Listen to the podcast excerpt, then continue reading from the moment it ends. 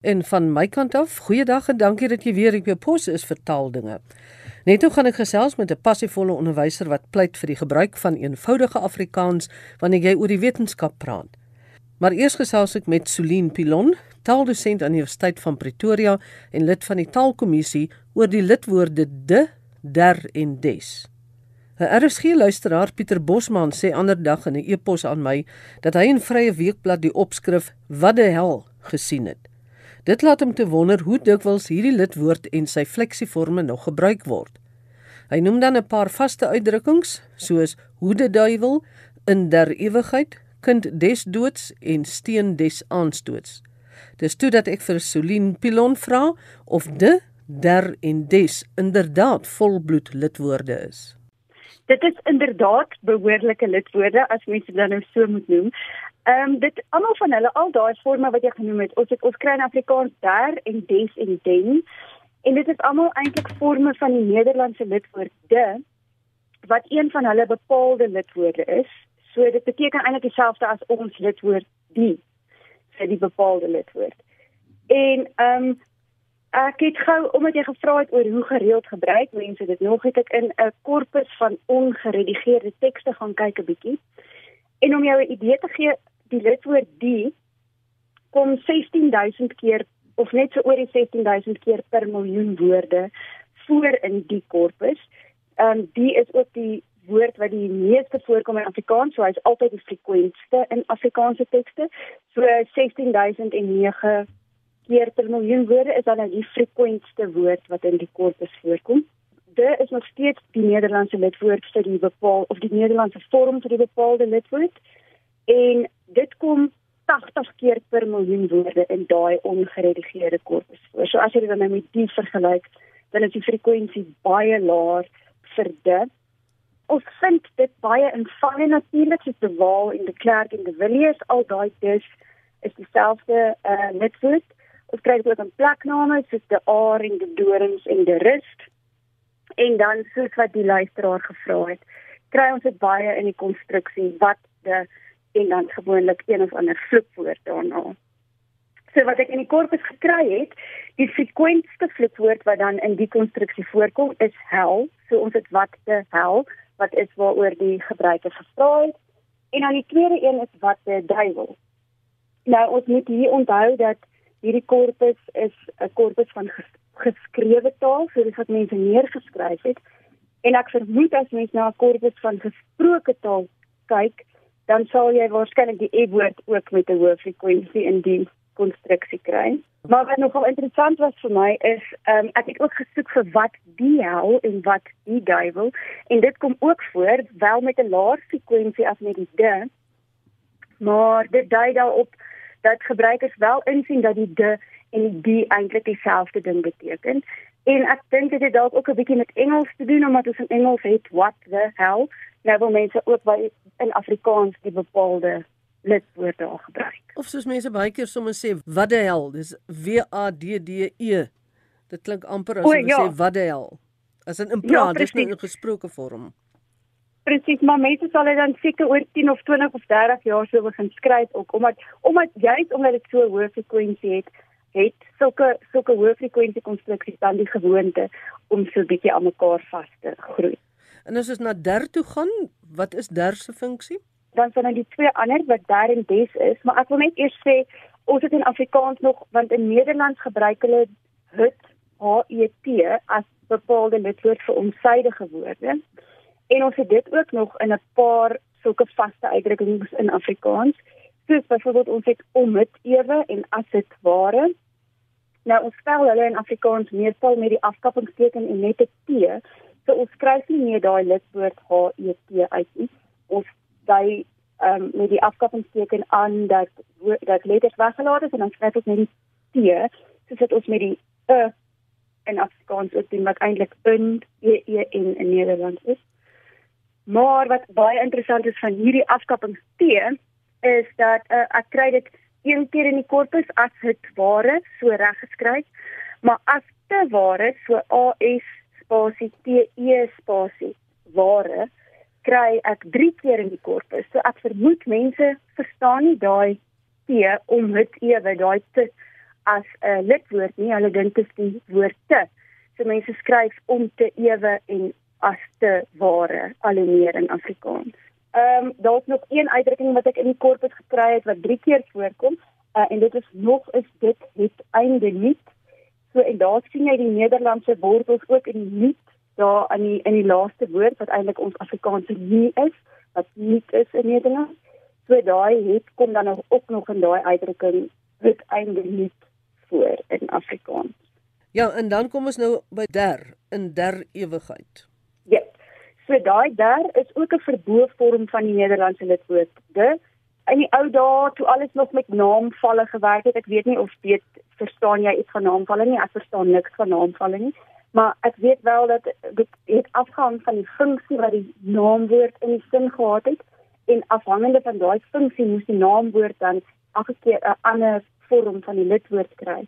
So dis hoekom ons daar in des en den nog steeds het. Uh, dit kom uit die oertyd in Nederland nog sterk op sulke naamvalle gekonsentreer het. So daar is ook so 'n verboorvorm van dit.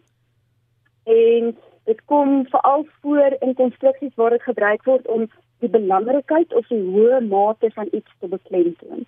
So ons het iets soos koning, dis 'n koning der konings, né? Nee? Of dis die mens der mense. Dan beklemtoon ek dit die belangrikheid van van die koning of die mens en dan kry ons dit ook in der duisende mense byvoorbeeld om te sê daar's baie duisende mense. Wat interessant is van hierdie lidwoord is dat hy ook in Afrikaanse samestellings voorkom, soos byvoorbeeld in byderhand wat eintlik by die hand beteken, maar dit is nou vasgeskryf in Afrikaans byderhand eendig. Ook in inderdaad byvoorbeeld en inderhaas, so daai der wat in daai woorde voorkom is telkens eintlik die lidwoord. Dan net gou iets oor die korpus. Ehm um, daar kom 9.5 keer per miljoen vo woorde voor. So as jy dit vergelyk met die se 16000, dan het dit 'n relatief lae frekwensie vir 'n lidwoord. Uh ons kry dit baie in vanne, soos in vanne merwe en vanne wald en dan ook in vaste uitdrukkings soos in der waarheid en nooit in der ewigheid nie en der duisende en miljoene der miljoene en so. Ja, dan kom ons by des. Nou jy werk om nou so af van 16000 80 en 9.5, dan wonder ek waar val des? Ja, so ek doen vir hulle spesiaal so in 'n in 'n uh, afwaartse frekwensie. Ehm um, so des kom 4.2 keer per miljoen woorde voor, maar die probleem is dat in daai korpus die meeste van daai gevalle is die afkorting vir die maand Desember en daar's ook 'n nul party gevalle van des as 'n eie naam. So ek dink des kom eintlik van des die lidwoord kom eintlik van al hierdie woorde die minste voor, maar dit het nou 'n hoër frekwensie as 10 byvoorbeeld omdat dit ook die afkorting vir die laaste maand van die jaar is. Dit word as 'n lidwoord gebruik, maar dit kan ook as 'n bywoord gebruik word en dan beteken dit iets soos soveel of in so mate. So jy het byvoorbeeld iets soos des te meer daai des beteken dieselfde as soveel want jy kan ook skryf soveel te meer of des te beter wat beteken wat jy ook kan skryf as soveel te beter. In die uitdrukking steen des aanstoots beteken dan ook jy's 'n besondere aanstoot. Ja, presies. So daai daai in daai uitdrukking is dit dan nou die gewone lidwoord wat eintlik die beteken, so daai steen van die aanstoot. Eintlik steen des aanstoots beteken steen van die aanstoot. So by aanstoot het ons ook daar aan die einde die deels genitiewe s wat van die aandui. So dis hoekom steen des aandoet is aanstoot is steen van die aanstoot en dag des lewens is dag van die lewe. So ek het in my dag des lewe nie so gedink nie. So ek het in geen dag van my lewe gedink dis dit van daar. Hoeveel lidwoorde is daar? Dit is 'n uitstekende vraag Magdalene, maar op skool het ons geleer ons het twee soorte lidwoorde in Afrikaans, né? Nee. Dis reg, dis hoekom ek nou bekommerd raak. Jep, So ons het geleer ons het 'n bepaalde lidwoord en 'n onbepaalde lidwoord. En die bepaalde lidwoord is die en die onbepaalde lidwoord is 'n. Nou al hierdie verboorforme van de eintlik is almal ook bepaalde lidwoorde. Maar na 'n hele spul navorsing wat deur 'n klomp baie slim akademici gedoen is, het ons nou 'n derde soort lidwoord in Afrikaans en dit is die ontkenningslidwoord.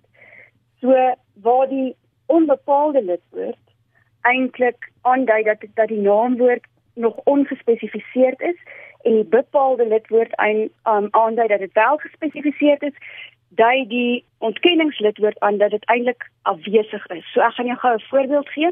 As ek sê, kyk, daar loop 'n hond, dan stel ek eintlik hond die eerste keer in die geselskap voor, nee, dan is hond nog 'n onbepaalde entiteit daar.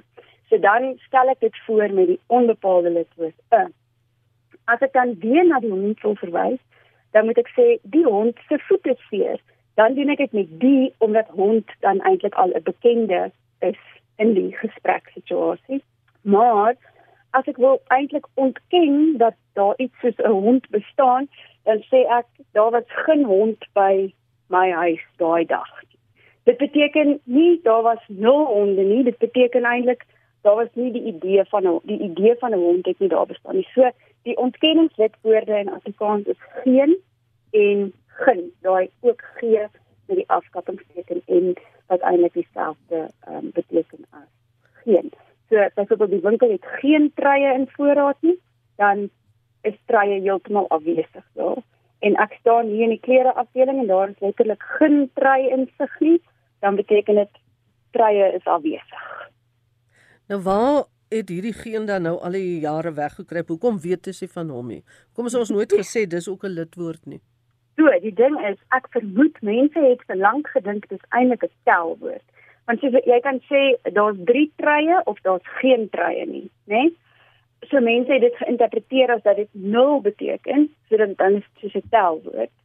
Maar intussen in ander tale word hierdie geen beskou en in Nederlands spesifiek word dit beskou as 'n negatiewe lidwoord omdat dit eintlik daai selfde funksie vervul as wat 'n e of 'n die vervul, behalwe dat dit nou sê die hierdie hierdie naamwoord wat na my staan is heeltemal afwesig. So 'n sê iets is onbekend, die sê iets is reeds bekend, geen sê dit is afwesig. Dit was dan Celine Pilon van die Taalkommissie en ook dosent aan die Universiteit van Pretoria wat so onderhoudend praat oor lidwoorde. Op Tulbag by die hoërskool is daar 'n entoesiastiese wiskunde en wetenskap onderwyser wat ewe lief is vir Afrikaans as vir wetenskap. Hy het 'n sterk mening wanneer dit kom by die gebruik van Afrikaanse wetenskapstaal. Die passievolle onderwyser is Dr Bertie Barnard en hy sê in 'n e-pos aan my, hy wil graag weet hoekom wetenskaplikes waarvan hy een is, so lief is om anglisismes en hoë Afrikaanse woorde te gebruik vir wetenskapsdinge. Toe bel ek hom om te verduidelik en dis wat hy sê. Um 'n woord soos roofdier sê mos presies wat dit is. Ons het 'n goeie Afrikaanse woord wat elke mens in hierdie land verstaan. As ouens begin praat van goed soos 'n predator, hier's 'n ander woord wat genoem is 'n konklusie, galaksies. Dit is woorde wat direk vertaal is uit Engels uit en ons het dan pragtige woorde so sterrestelsel wat as ek op straat loop en ek gebruik die woord gaan almal weet. Maar as ek praat van 'n galaksie, ek het dit vandag in my klas genoem. Toe kyk die kinders my met groot oë aan want niemand weet wat dit is nie. Um en ek voel net dat 'n wetenskaplike wat sy sout werd is, werklik 'n moeilike begrip baie eenvoudig kan oordra. Jy hoef nie hoogdrawende en groot woorde te gebruik nie. Ek meen 'n sterrestelsel is mos net so mooi in 'n beskrywende woord as 'n galaksie. So dit is maar waaroor dit vir my gaan. Ek ek voel regtig ons hoef nie ingevoerde woorde te hê vir wetenskaplike terme nie. Ek meen, hoe lank het Afrikaans ontwikkel as 'n wetenskaptaal en nou gebruik ons dit nie. Ek jy gee wetenskap en wiskunde, jy's 'n onderwyser. Wanneer jy nou met daardie gespesialiseerde vakke werk, is daar nie maar sekere terme of woorde wat net op 'n wetenskaplike manier gebruik kan word nie. Het jy 'n mooi beskrywende Afrikaans vir alles? Ek kan nou nie onmiddellik aan iets spesifieks dink nie. Ek kan maar net noem toe ek in chemie gewerk het, was daar byvoorbeeld wat ons gepraat het van 'n ding soos die migrasie van 'n elektron of 'n groep atome. Wat is verkeerd om te sê ek het 'n verskuiwing? Dis mos net so 'n goeie woord. Ek kyk na akseptor. Waarom moet ek praat van 'n proton akseptor as ek kan sê 'n proton ontvanger? Dis mos net so 'n beskrywende woord. Uh hoekom moet ek praat van 'n resistor in fisika as ek kan praat van 'n weerstand? Dit is maar wat ek probeer doen en ek probeer nie kinders afskrik met my taal nie. Ek, ek voel as jy plat op die aarde op hulle vlak kan praat, dan gaan ek baie meer mense hê wat belangstel en die vak kan doen. Ek dink die taal skrik soms mense af. Nou wanneer mense nou by die wetenskaptaal kom, uh, daar's 'n geneigtheid wanneer mense nou skryf 'n teses byvoorbeeld en sê net maar dis nou in Afrikaans dat mense dan eerder die wetenskapstaal gaan gebruik in aanhalingstekens want hulle mm -hmm. sê dat hulle praat met mede experts in die wetenskapwêreld.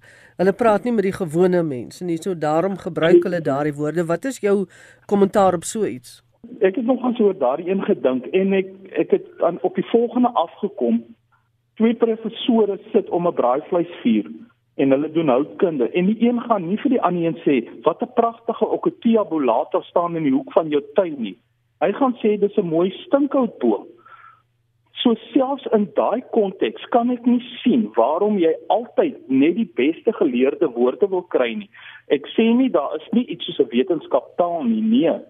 Maar ek dink 'n mens hoef daarom nie elke woord wetenskaplik so hoogdrawend te maak ek meen stinkhoutboom, geelhoutboom, jy hoef nie te sê um Podocarpus fulcatus nie. Jy hoef nie te praat van kontraksie nie. Jy kan maar sê sametrekkings. Uh, daai tipe van van ding. Ek ek voel regtig waar nie dat selfs in geleerde omgewing jy altyd net geleerde woorde hoef te gebruik nie. Gewone standaard Afrikaans kan ook mos geleerd wees. En jy reken nou is genoeg Afrikaanse woorde vir die sogenaamde hoë wetenskapswoorde. Daar sal natuurlik 'n uitsondering wees waar ons nie daai woorde het nie, maar toe ek my teses geskryf het byvoorbeeld, ek moes daar praat van 'n makrosikliese liggaam. Hoekom kon ek nie sê dis 'n groot sirkelvormige molekuul nie. Dit is daai tipe van ding. As ek vir die kinders sê my teses het gegaan oor sirkelvormige molekules, dan weet hulle hoe die ding lyk. Was ek met makrosiklies onmiddellik kan ek sien almal sit met groot oë en kyk net na my. So selfs as jy tussen jou uitgeleese vriende sit, kan ek nie dink dat 'n mens regtig waar sê jy is aan bande gelê, jy moet net wetenskaplik praat nie. Ek dink daar is genoeg woorde om die wetenskap op 'n eenvoudige vlak of op 'n geleerde vlak dan te kan hanteer. En dit lyk vir my ook dat hoe eenvoudiger is, hoe makliker is die kommunikasie in die verstaan, want die hele doel is tog dat iemand moet 'n ander persoon kan verstaan, die boodskap of die begrip wat jy wil oordra en as jy dit in eenvoudige Afrikaans doen dan dan begryp die kinders of die studente of jou vriende om die braaivleisvuur dit ook makliker. Is nie waar nie? Absoluut. Dit is presies hoe ek voel en dis hoekom ek ek weet ek is nou nie tussen die geleerde mense by die universiteit meer nie, maar hoekom ek vir my kinders dinge so eenvoudig moontlik verklaar. Want as ek regtig net met hierdie hooggeleerde woorde gaan hulle almal weghardloop. So dis is hoe ek mense probeer trek. Hou dinge eenvoudig. Ek hoef nie hoogdrawend en moeilike woorde te te gebruik om te wys hoe moe, moeilik my vak is nie. Ek op daai punt wil ek net noem my koorleier, ek het koor gesing by Stellenbosch. Ehm um, het eendag vir my gesê, 'n slim man of 'n goeie musikant wys vir jou hoe moeilik is 'n stuk musiek. 'n Briljante musikant laat dit maklik lyk. En ek voel dieselfde as jy 'n meester van jou vak is, dan maak jy dit maklik vir ander mense met maklike taal. Jy hoef nie vir hom te wys hoe moeilik dit is nie. En dit moet op skoolvlak begin, soos daar waar jy nou besig is om dit te leer vir die kinders. Heeltemal korrek. Um ek kan net noem ek het dieselfde benadering het ek gehad toe ek hier begin het 'n paar jaar gelede. Doen dinge eenvoudig en ek het nou um 'n leerling op Stellenbosch wat een van die top ingenieurstudente was. Ek het 'n laas jaar 'n dametjie deurgestuur Stellenbosch toe. Sy's besig met haar chemiese ingenieurswese. Sy het tot dusver omtrent al haar vakke gekom. So ek dink dit is omdat sy 'n liefde vir die vak kon leer en dinge vir haar eenvoudig was en nou kan sy verder vorder. Ja, maar ek is baie bly jy voel so sterk daaroor. Ek hoop baie onderwysers voel ook so. En uh, ek self het nou in ons gesprek 'n uh, bietjie gedink daaroor en eintlik agtergekom watter mooi beskrywende Afrikaanse woorde daar is vir die moeilike of die grand woorde wat ek eintlik mag geken het. So Bertie, ja. baie dankie vir jou tyd en dankie dat jy dit met ons gedeel het en ek is seker baie luisteraars gaan 'n bietjie dink oor wat jy nou vandag gesê het. Ai, dis nou pure lekkerte om 'n onderwyser so passievol te hoor praat oor Afrikaans, al is hy 'n wiskunde en wetenskapsonderwyser. Dit was Dr Bertie Barnard, onderwyser by die hoërskool op Tilbag en daarmee fluit fluit vir vandag se taaldinge en geniet die dag verder in hopelik in die geselskap van RSG. Groete van my Magdalene Creer.